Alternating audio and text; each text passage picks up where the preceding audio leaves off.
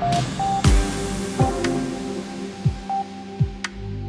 Just nu pågår en het NATO-tango där Finland för och Sverige följer. Finland ser ut att kasta sig i NATOs öppna famn medan Sverige tveksamt tittar på.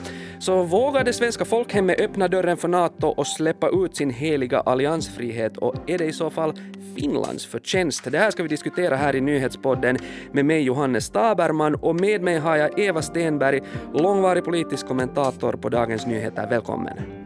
Tack så mycket.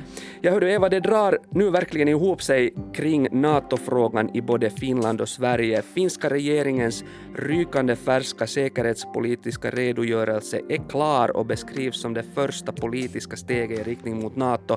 Exakt samtidigt är statsminister Sanna Marin på besök hos sin svenska kollega och partikamrat Magdalena Andersson i Stockholm. Hur ska man tolka det här? Ja, jag tror man kan tolka det på två sätt. Det första är eh, att de i egenskap av statsministrar vill visa det här väldigt nära samarbetet som finns mellan Sverige och Finland, som ju är det närmaste militära samarbetet som Sverige har och Finland är också det land som Sverige utrikespolitiskt och på andra sätt står närmast. Det märks ju genom att våra statsministrar alltid åker till Finland först. Eh, men sen tror jag också att det finns en rent socialdemokratisk dimension i det här. Det här är en oerhört plågsam fråga för den svenska socialdemokratin. De har haft en väldigt stark ideologi kring alliansfriheten och det här nära samarbetet med en finländsk statsminister, det är ett viktigt sätt också att visa att det här är ju socialdemokrater som är på väg att leda Finland in i NATO. Så det är klart att det då inte kan vara helt oideologiskt om svenska socialdemokrater skulle leda Sverige in i NATO. Mm. Eh, Marin väntas säga klart och tydligt var hon och Finland står i NATO-frågan. Och i en färsk intervju för tidningen Iltalehti här i Finland så säger Marin nästan klart ut att hon stöder ett NATO-medlemskap. Så Tror du hon liksom försöker övertala de svenska sossarna och få svenskarna att tveka mindre? Och tror du i så fall att Magdalena Andersson lyssnar på henne? Eh, jag tror Magdalena Andersson lyssnar på Sanna Marin, att det är viktigt. Eh, sen eh, kanske de inte uttrycker i termer av övertala, så att säga, i diplomatiska termer, men i praktiken så, så, är det diskussionen i Finland som har fått de svenska socialdemokraterna att så snabbt börja ompröva sin ställning väldigt mycket. Tillsammans förstås med det som har hänt i världen, men man kan komma ihåg att det satt ganska långt inne innan debatten började i Sverige. Den började långt, långt tidigare i Finland. Den är ganska ny här. Mm. Jag tycker att sällan har finländsk politik intresserat så mycket i Sverige som nu. Eh, svenska nyhetsprogram och tidningar fylls av Finland nu. Eh, det känns nästan som om lillebror lite har vuxit om storebror och nu visar vägen, eller vad säger du? Ja, i det här fallet är det ju definitivt så att Finland har gått före Sverige i, NATO-frågan. Och eh, det är väldigt mycket diskussioner. Det, det, det, märks. Jag jobbar ju ofta i riksdagen när man träffar sina kollegor. Vi pratar väldigt ofta om Finland nu för tiden. Och jag åkte själv över för några veckor sedan och fann det oerhört intressant med den debatten som fördes där, som man inte riktigt kunde hitta på samma sätt i Sverige. I Sverige har NATO-debatten varit så mycket mer polariserad. Det har funnits tydligt ja och tydligt nej, men det har inte funnits en mer förutsättningslös dialog. Den här strävan efter efter samstämmighet som jag tyckte mig se i Finland, den ser jag inte på samma sätt i Sverige. Men det kanske är den som börjar växa fram nu.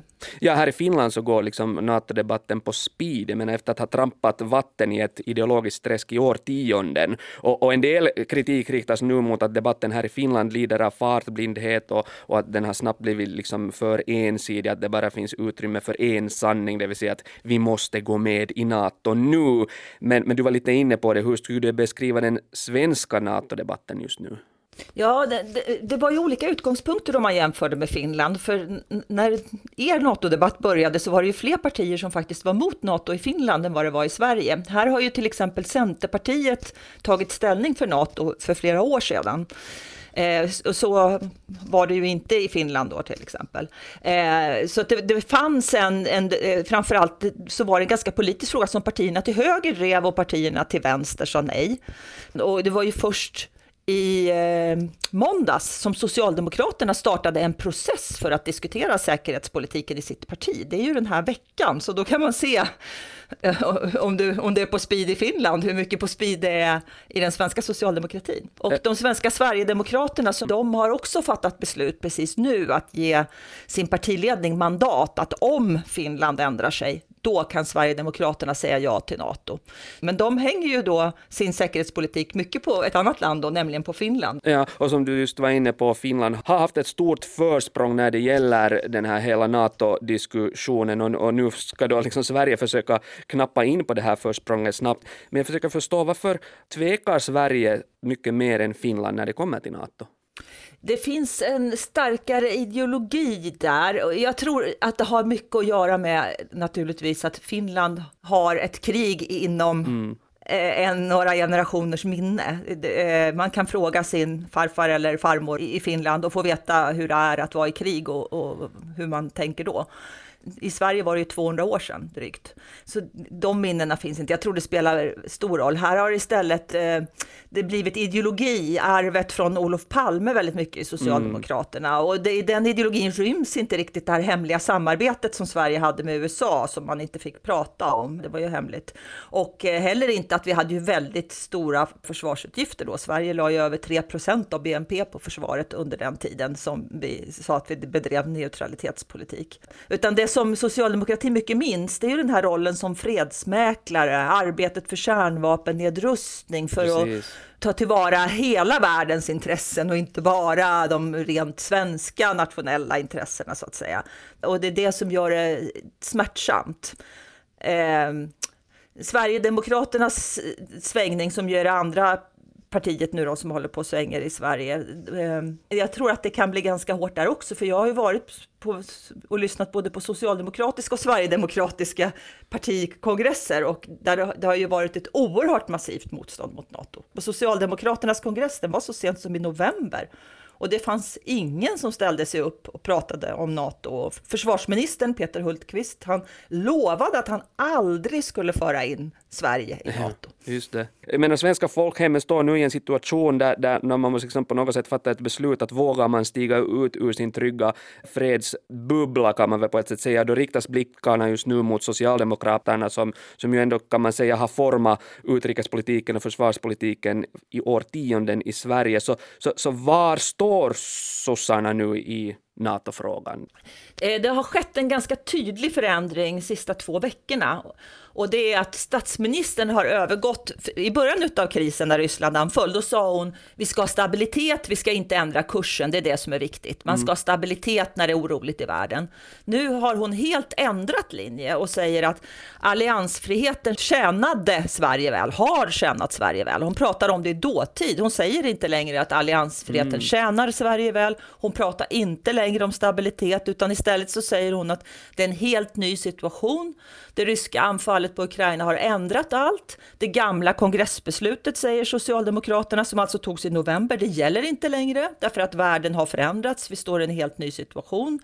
Så att det de har gjort, det är att de har klivit bort från den gamla linjen och sagt att den funkar inte längre. Här måste det till någonting nytt.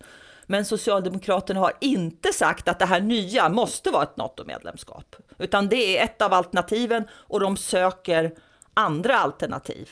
Det finns idéer inom partiet om till exempel ett försvarssamarbete i EU skulle kunna vara ett alternativ. Det har funnits idéer om det går att fördjupa samarbetena med Finland och med andra NATO-länder, med USA, om det skulle kunna vara ett alternativ.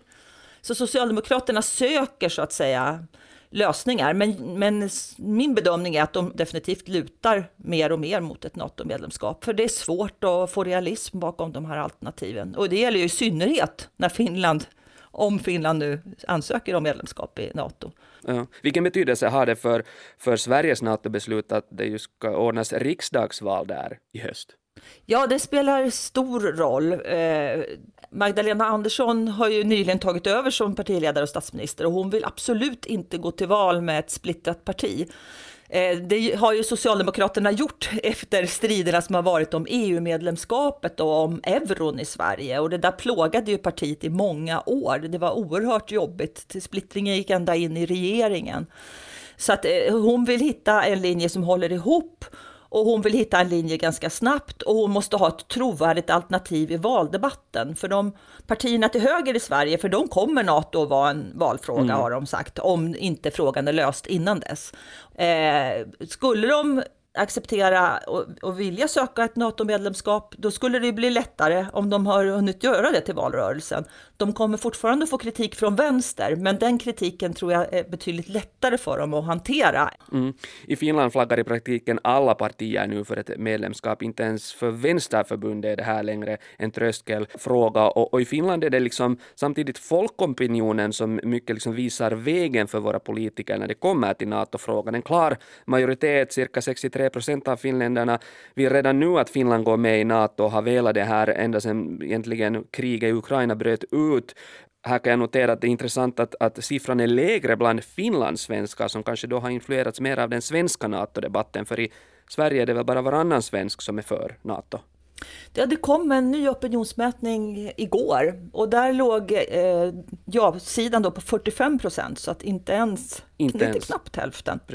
Eh, och nej-sidan hade ökat lite då, för det var färre som var tveksamma, så 33 procent sa nej. Jag tror att det här har påverkats av att det har kommit ut bland annat Sveriges tidigare statsminister Stefan Löfven, som ju medverkade i Yle från en fredskonferens på Åland Precis. där han var väldigt kritisk till ett medlemskap. Eh, och, och, några andra viktiga socialdemokrater har också varit ute och kritiserat ett medlemskap. Jag tror att det har påverkat en del av de som är tveksamma. Mm. Eh, däremot om Finland skulle gå med, då finns det en ganska tydlig majoritet för ett ja i Sverige. Ja. Men, men som du var inne på, både för, för svenska folket men också för, för partierna och, och olika liksom, politiska profiler så verkar just inställningen till ett NATO-medlemskap hänga hemskt mycket på vad Finland gör. Uh, varför hänger Sveriges beslut så mycket på Finlands beslut?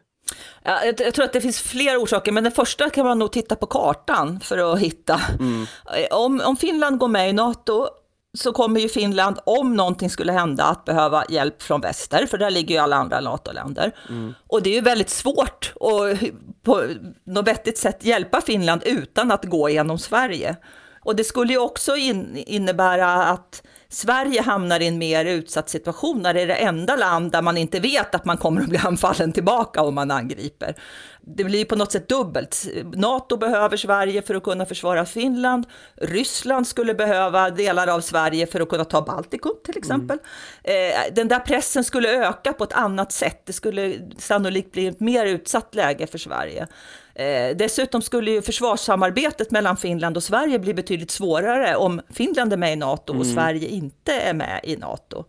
Så det tror jag också spelar in i det här fallet. Mm. Många experters bedömning är att Finland kommer att lämna in sin medlemsansökan före midsommar och frågan är förstås om Finland tänker vänta på Sverige så att båda kan gå med i NATO hand i hand. Vad skulle det finnas för fördelar med det här att Finland och Sverige blir medlemmar samtidigt? Ja, jag kan tänka mig att det finns två fördelar.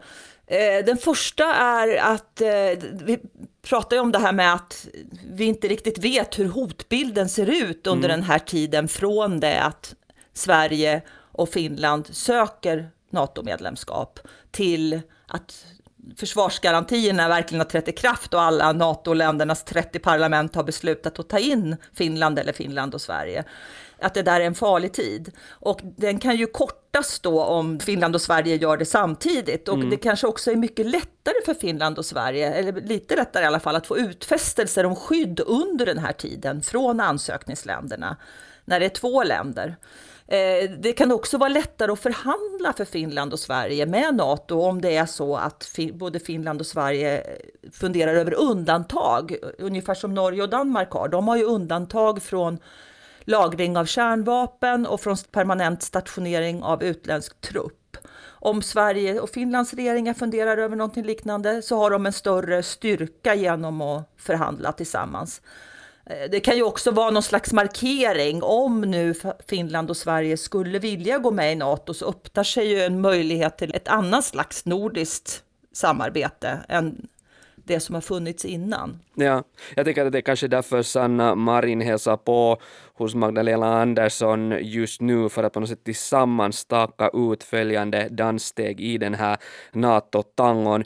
När Sanna Marin nu antagligen bjuder upp Magdalena Andersson till dans, tror du Andersson tackar ja? Jag menar, vad är din tippning? Kommer sossarna att ändra sig och föra Sverige i NATOs famn?